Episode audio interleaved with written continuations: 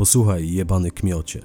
Napsułeś mi w życiu tyle nerwów, że już przed laty podjąłem decyzję, że jeśli uda mi się ciebie przeżyć, to chociażbym miał poruszać się o metalowym balkoniku, albo nawet czołgać, to przyjdę na twój grób, by oddać na niego mocz, a nie wiem, czy się przy okazji na niego nie zesram. To już masz u mnie jak w banku i słuchaj, co jeszcze mam ci do powiedzenia. Znajdziesz mi tę dziewczynę, poprosisz swoich ziomków z miasta, czy też im nakażesz, bo chuj mnie obchodzi, jak to zrobisz, żeby ci dostarczyli namiary na nią, a potem przekażesz je mnie. Nie zapominaj, że mam twój gryps, jak zaniosę go do prokuratury, to zapomnij o spacerniaku, a zostało ci do odsiedzenia jeszcze ile? Trzy lata? Cztery? Poza tym, zaraz jak tylko stąd wyjdę, krzyknę na korytarzu, że jesteś pizdą karmiony i posypie się cały twój więzienny autorytet. I wtedy ile pożyjesz? Rozprują cię którejś nocy twoi kamraci i rozwieszą na tych kratach jak mokrą ścierkę.